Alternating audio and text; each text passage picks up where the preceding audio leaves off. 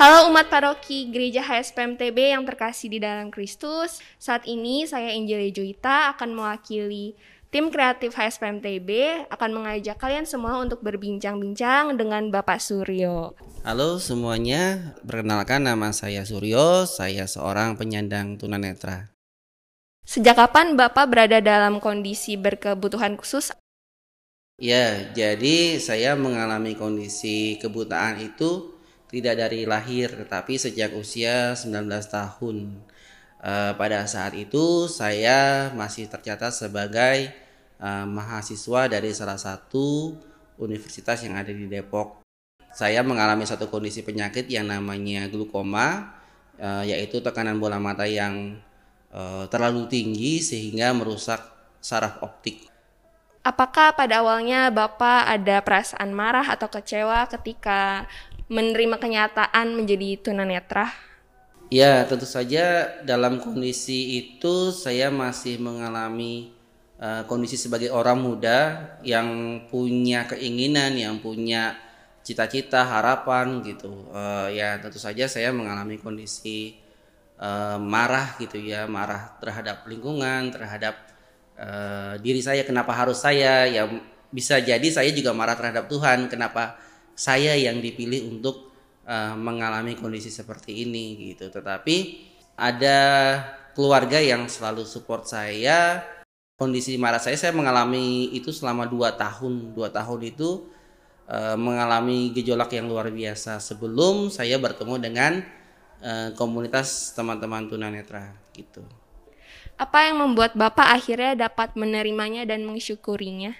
Ya, akhirnya membuat saya bisa menerima dan mensyukuri adalah pada saat saya mengalami kondisi itu, saya mendapat support dari teman-teman OMK karena memang pada tahun 2000 pada saat itu saya juga menjadi bagian dari tim panitia perayaan Natal di gereja saya Santo Aloysius Gonzaga Cijantung terutama keluarga ya gitu. Keluarga yang selalu menemani saya keluarga yang selalu support ke saya uh, waktu itu bisa sembuh gitu. Waktu itu masih uh, bisa kembali sembuh pulih seperti sedia kala bisa melihat kembali. Sampai akhirnya kita sama-sama sepakat bahwa uh, ternyata Tuhan punya jalan yang lain buat saya sehingga ya keluarga juga support saya ke arah sana gitu. Ke arah di mana saya bisa menjalani dunia saya sebagai tunanetra dalam kondisi tunanetra, apakah Bapak pernah merasa kurang percaya diri? Bagaimana Bapak mengatasi rasa kurang percaya diri tersebut? Pada awalnya, ya tentu saja sebagai tunanetra yang baru saja mengalami kebutaan, saya sama sekali kehilangan rasa percaya diri saya gitu. Karena saya sudah menjadi orang yang berbeda gitu dari orang kebanyakan. Orang kebanyakan bisa melihat, saya tidak bisa melihat tetapi uh, saya waktu itu puji Tuhan juga saya mendapatkan role model um, dari teman-teman tunanetra yang berhasil, teman-teman tunanetra yang uh, ternyata masih bisa bersekolah, teman-teman tunanetra yang ternyata uh, masih bisa mengejar impiannya gitu, bisa berkarya gitu. Pada waktu itu uh, saya bergabung di sebuah lembaga Eh, di Kuskupan Agung Jakarta lembaga daya Dharma waktu itu masih namanya Biro Tunanetra Leticia tapi kalau sekarang sudah menjadi Biro Pelayanan Penyandang Disabilitas eh, LDDKAJ gitu.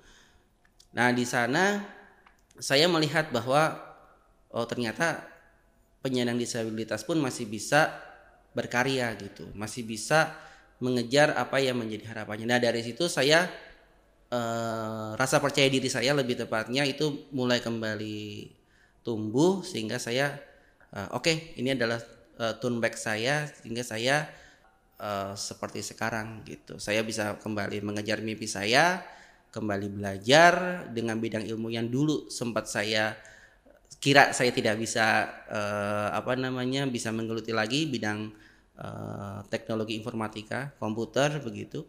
Kemudian saya juga akhirnya bisa kembali ke bangku kuliah mengajar eh, cita-cita uh, saya sampai akhirnya saya selesai pendidikan uh, sarjana gitu. Apakah Bapak pernah mengalami penolakan di dalam masyarakat? Bagaimana cara Bapak untuk menghadapi itu semua? Kalau penolakan tentu saja saya hidup di masyarakat yang tidak semuanya punya uh, pemikiran yang sama, masih ada yang canggung, masih ada yang menolak kehadiran saya gitu ya, pasti masih ada gitu. Saya tidak tidak terlalu naif dengan itu juga gitu.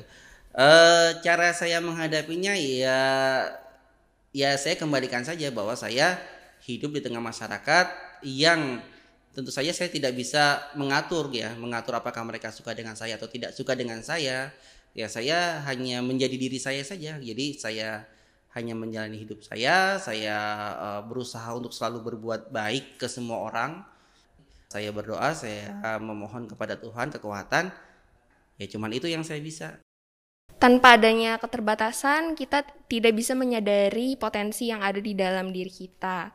Bagaimana sebenarnya cara Bapak menggali potensi dan kemampuan yang ada di dalam diri Bapak?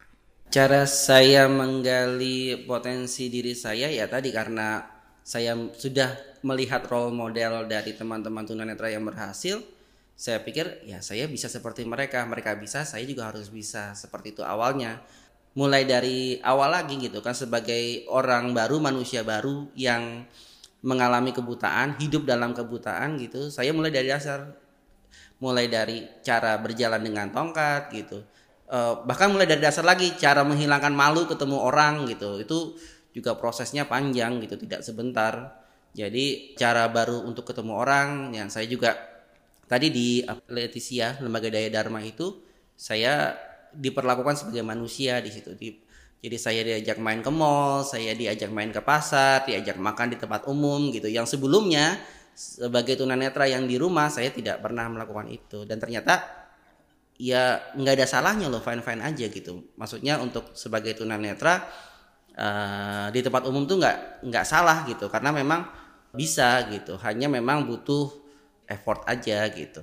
Nah saya mulai dari berjalan saya mulai menggali potensi oke okay, belajar e, membaca menulis huruf braille gitu dari dasar lagi akhirnya saya mulai bergabung e, mulai memacu diri saya bagaimana caranya saya bisa belajar lebih cepat ya saya bergabung dengan tim paduan suara waktu itu yang semuanya teman-teman tunanetra hanya untuk gimana caranya saya bisa membaca braille secara cepat gitu uh, karena teks lagunya semuanya harus di uh, harus di braille dan memang harus bisa harus harus uh, sama dengan teman-teman yang lain.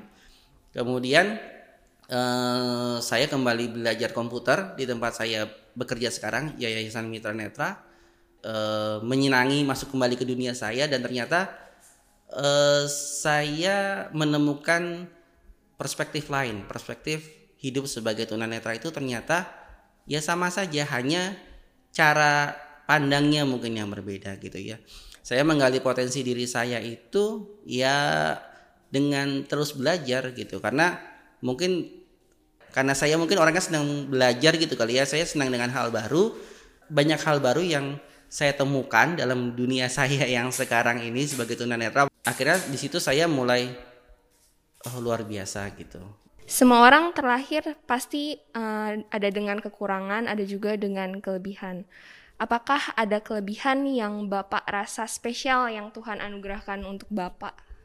Ya banyak banget ya. Mulai dari keluarga yang baik gitu, teman-teman yang baik juga yang masih mau menerima saya. Kelebihan yang Tuhan berikan kepada saya mungkin ya, mungkin ya kesabaran kali ya. Jadi saya diajarkan untuk lebih eh, kalau orang Jawa bilang tuh nerimo gitu. Saya bisa melihat bahwa ya dunia ini nggak cuma sekedar hitam dan putih gitu. Dunia ini juga bukan sekedar hanya orang baik dan orang jahat nggak seperti itu. Jadi uh, ternyata ketika saya masuk sebagai tunanetra di dalam kehidupan ini ya hidup baru sebagai tunanetra itu ternyata ada orang yang bisa nerima saya ada yang enggak gitu. Bahkan di lingkungan keluarga yang terdekat pun gitu ya masih ada yang menolak keberadaan saya gitu. Awalnya sih kok marah? Kenapa? Gitu. Kenapa? Kan juga bukan mau gue gitu ya. Kalau orang udah bilang ya bukan mau gue nih begini. Cuma akhirnya saya diajarkan untuk uh, bersabar gitu ya dengan keluarga yang suportif ke saya yang support selalu ke saya dengan teman-teman yang baik juga diajarkan untuk selalu bersabar gitu. Sampai akhirnya saya ketemu satu titik bahwa hari ini akan berlalu gitu. Setiap masalah pasti akan lewat gitu. Tinggal kita menjalani saja gitu. Ya kadang pada saat menghadapi masalah itu ada pergumulan yang luar biasa gitu. Bisa atau enggak kadang saya juga diremehkan lah gitu ya oleh keluarga gitu. Kemampuan apakah bisa atau enggak gitu. Tetapi yang Tuhan berikan ke saya itu adalah kesempatan yang luar biasa. Kemudian tadi ke, keinginan untuk selalu belajar terus juga eh, kesabaran yang selalu diajarkan oleh orang tua saya keluarga saya sampai sekarang juga tentang eh, bagaimana teman-teman saya selalu mensupport keadaan saya yang membentuk diri saya sampai seperti sekarang ini ya mereka semua gitu. Tanpa mereka semua saya pikir nggak ada kelebihan dari saya yang bisa dibanggakan ya gitu. Saya pikir ya saya tetap mungkin uh, masih menjadi Suryo yang diem di rumah, Suryo yang uh, tidak bisa apa-apa, yang cuma bisa hanya diam di rumah, malu gitu dan seterusnya. Dan mungkin uh, pengembangan diri saya ya sudah stop sampai di situ gitu. Pak, Bapak kan mengajar programming nih untuk anak-anak yang tunanetra juga memotivasi mereka juga tentu bukan hal yang mudah kan tentu ada tantangan-tantangannya apa aja sih tantangan yang Bapak rasakan dalam pelayanan Pak mungkin belum sampai ke programming ya Mbak. Memang saya pernah belajar programming dan memang eh, tempat saya mengajar juga sekarang sedang mengembangkan eh, bagaimana mengajar programming ke teman-teman tunanetra. Sampai sekarang eh, ada lulusan uh, tunanetra yang menjadi lulusan IT pertama di Indonesia uh, tahun ini kebetulan. Dan itu teman saya kebetulan. Tetapi kalau bagian saya justru saya uh, ditugaskan untuk mengajarkan dari yang teman-teman tunanetra yang tidak tahu komputer penggunaan teknologi komputer sama sekali sampai akhirnya bisa gitu. Justru dari dasarnya. Saya mengajar itu mulai tahun 2006 nah karena saya melihat ternyata ada kebutuhan oh ternyata banyak teman-teman uh, yang mengalami kebutaan dewasa dan mereka butuh seseorang yang bisa membantu mereka gitu. Nah dari situ saya terpanggil untuk belajar uh, lagi gitu ya kembali ke bangku kuliah. Saya mengambil jurusan uh, bimbingan dan konseling karena saya perlu ilmu konselingnya untuk membantu mereka. Jadi sekarang saya lebih mengajarkan komputer untuk teman-teman yang belum tahu komputer sama sekali menjadi tahu dan terlebih lagi juga e, mengajarkan bukan mengajarkan membantu teman-teman yang e, mengalami kebutaan e, dewasa untuk bisa menerima diri mereka sebagai tunanetra.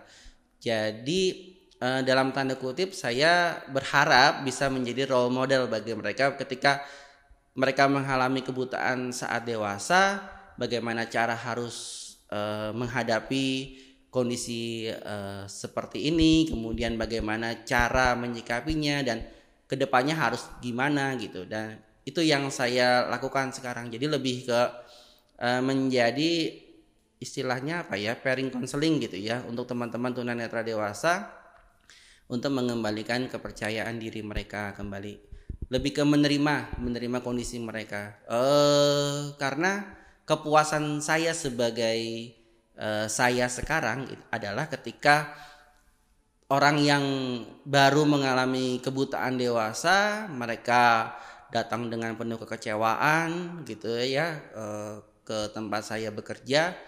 Kemudian mereka sambil diajarkan cara menggunakan komputer teknologi dan seterusnya sambil berbagi uh, dalam tanda kutip kesedihan, kemudian mengembalikan kepercayaan diri mereka sampai akhirnya mereka bisa menjadi uh, dalam tanda kutip manusia baru gitu.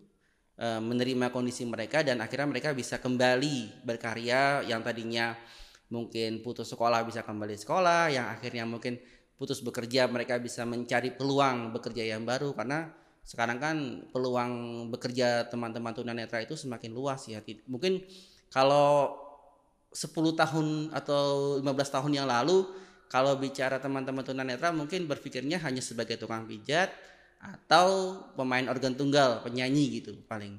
Tapi kalau sekarang teman-teman tunanetra itu ada yang menjadi content writer, ada yang mulai berbisnis, berbisnis online gitu, ada yang mulai menggeluti bidang uh, barista kopi gitu mulai terbukalah peluang-peluang bekerja mereka ada yang menjadi telemarketer di bank ada yang uh, bisa bekerja di instansi pemerintah sekarang gitu. Bahkan juga uh, sampai teman-teman uh, disabilitas itu punya kesempatan yang lebih besar lagi sekarang gitu. Jadi ya karena itu gitu. Saya ketika melihat mereka mereka sudah mencapai eh, apa yang mereka capai sekarang menjadi manusia baru oh, itu puasnya luar biasa beda gitu. Nah itu yang membuat saya sudah bertahan berapa sama sekarang sudah 15 tahun eh, sebagai pengajar dan melihat eh, teman-teman yang datang silih berganti gitu itu sudah kepuasan gitu untuk saya. Dan kalau disebut tantangannya banyak sekali ya gitu. Terutama ketika saya menjalani profesi saya sekarang itu banyak sekali resikonya gitu. Resikonya artinya uh, mulai dari uh, diri saya sendiri yang uh, harus mendengar curhatan mereka gitu ya yang uh, dalam tanda kutip saya menjadi tempat sampah gitu ya. Yang namanya tempat sampah pasti nanti suatu saat akan bau dan seterusnya.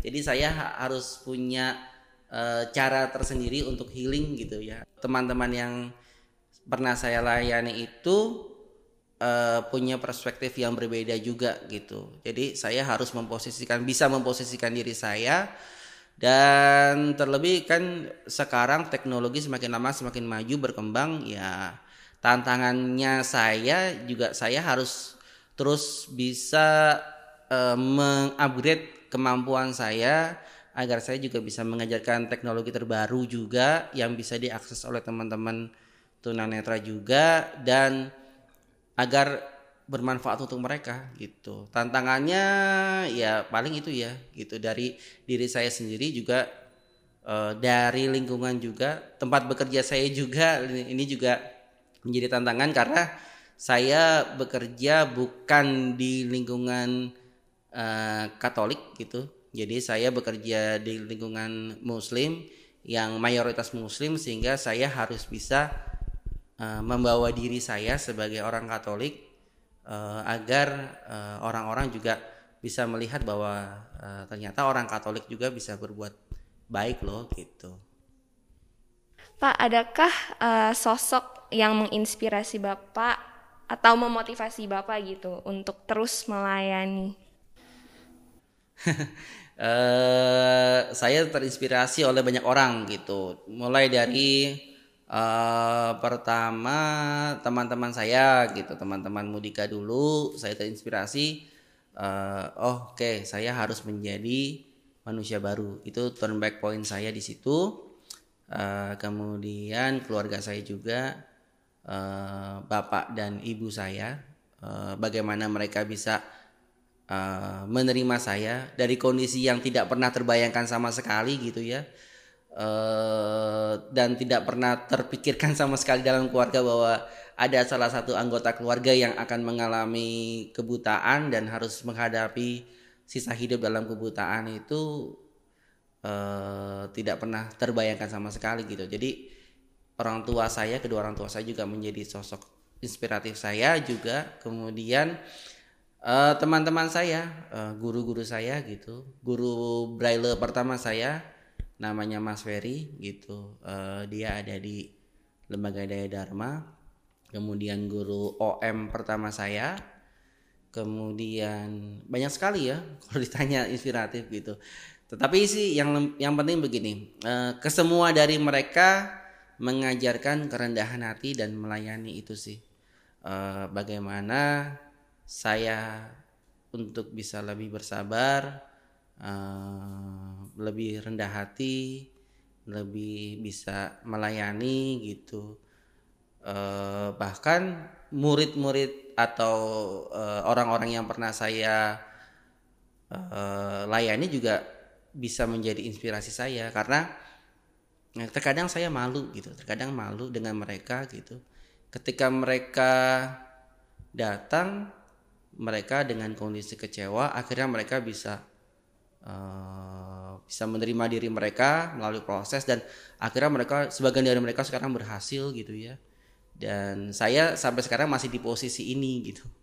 Itu kadang saya juga kok saya masih di sini aja? gitu. Sekarang terkadang saya juga bertanya gitu kenapa kok saya masih ada di sini sedangkan peserta uh, didik yang saya ajarkan itu sudah berhasil sudah bisa uh, memperoleh penghasilan yang cukup layak dan seterusnya gitu saya sempat bertanya sama Tuhan kenapa begitu dan uh, saya sih mulai mendapat jawaban dari sharing dengan sesama teman gitu ternyata memang Tuhan punya cara gitu. Tuhan punya cara untuk menempatkan saya. Mungkin cara Tuhan adalah menempatkan saya di posisi ini agar saya bisa membantu mereka gitu.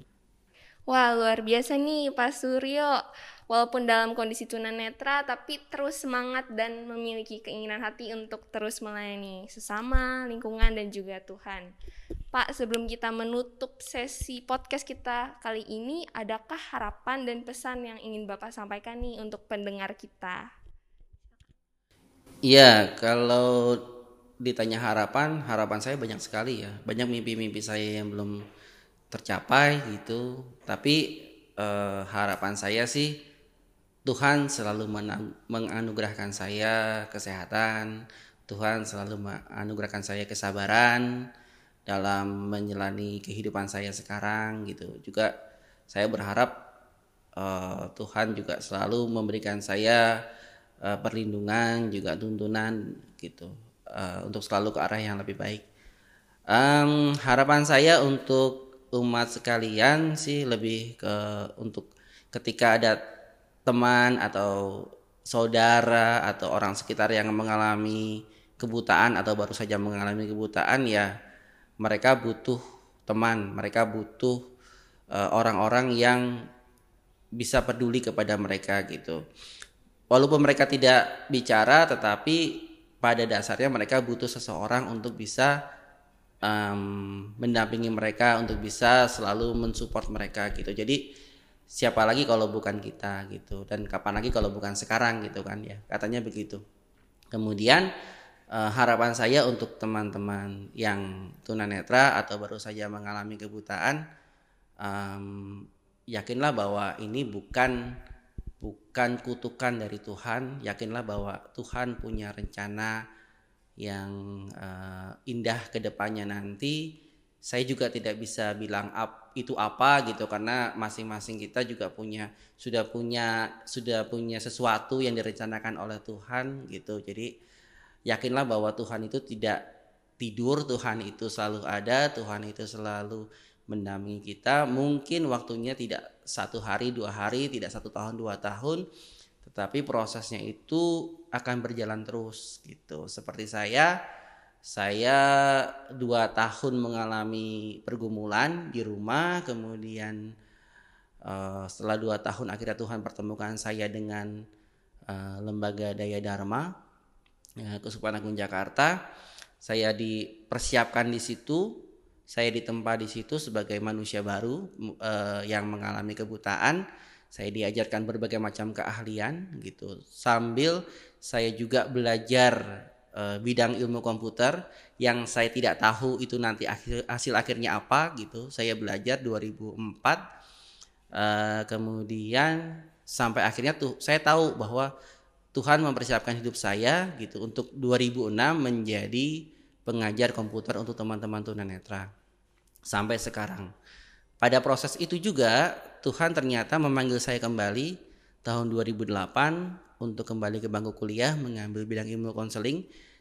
Yang saya juga nggak tahu itu untuk apa. Sampai akhirnya saya juga yakin dan percaya bahwa Tuhan mempersiapkan saya untuk yang lain nih. Dan sampai akhirnya 2012 sampai sekarang saya uh, ilmu yang saya pelajari itu bisa untuk mendampingi teman-teman tunanetra yang baru.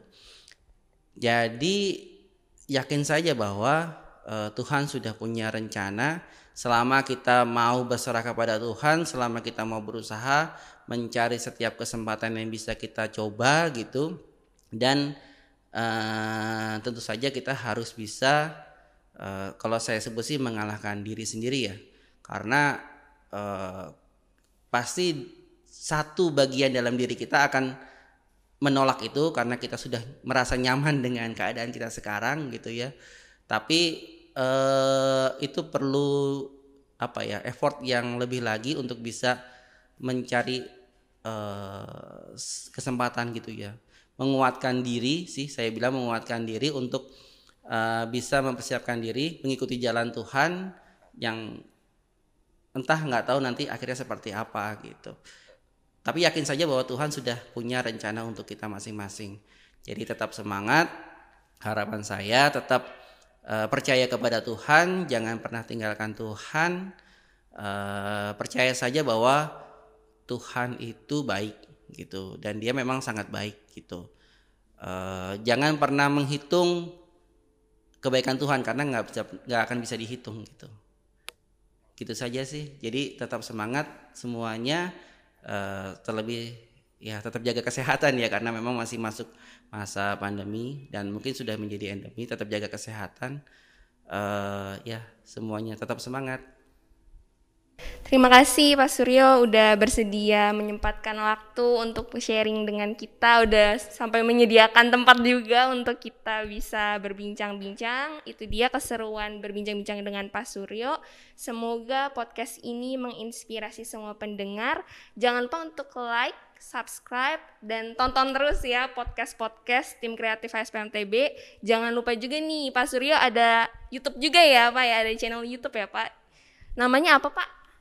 Uh, Suryo Pramono. Hmm, jangan lupa untuk di like, subscribe juga. Terima kasih teman-teman pendengar. Sampai jumpa di podcast berikutnya. Dadah.